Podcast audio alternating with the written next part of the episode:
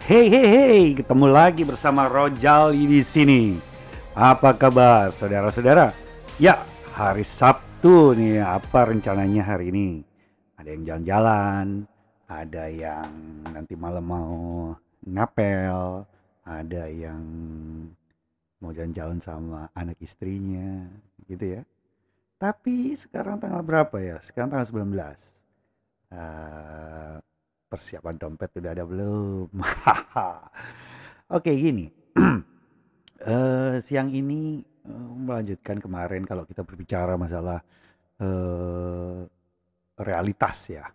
Nah, realitas itu juga demikian. Dalam satu hubungan tuh begini.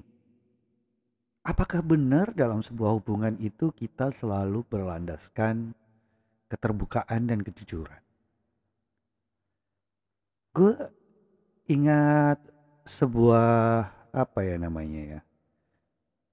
Ada gium ya bahwa map is not authority. Artinya kalau map not authority itu mungkin kayak gini.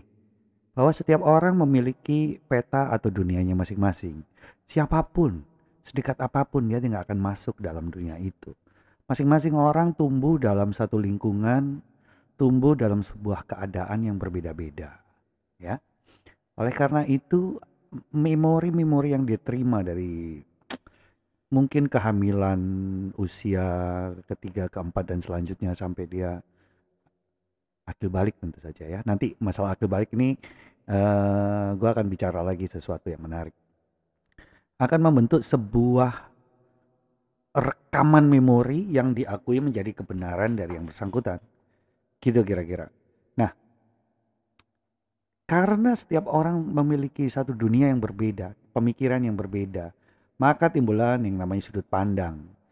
Kalau kita sulit untuk uh, menyamakan sudut pandang kita dengan orang itu, maka tentu saja yang terjadi ada perselisihan, ketidaksepahaman, dan sebagainya.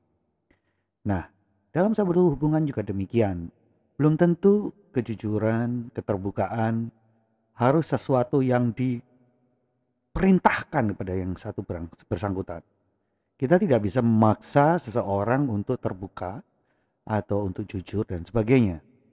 Tetapi kalau kita mulai menyamakan sudut pandang kita dengan yang bersangkutan, maka kita merubah sudut pandang kita, menyamakan dengan sudut pandang yang bersangkutan, sehingga yang bersangkutan memahami bahasa yang sama. Nah, di sana baru kita menemukan satu sudut pandang yang sama. Ketika kemudian kita berdialog, berkomunikasi dalam bentuk verbal ataupun non-verbal, maka akan menciptakan sebuah kesamaan tujuan, kesamaan pemahaman.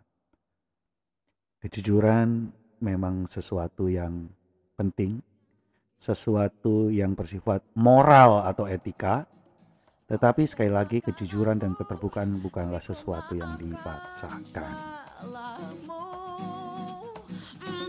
Kini berganti kisah, menyakiti dirimu. Tapi apa yang terjadi? Kau meninggalkanku. Izin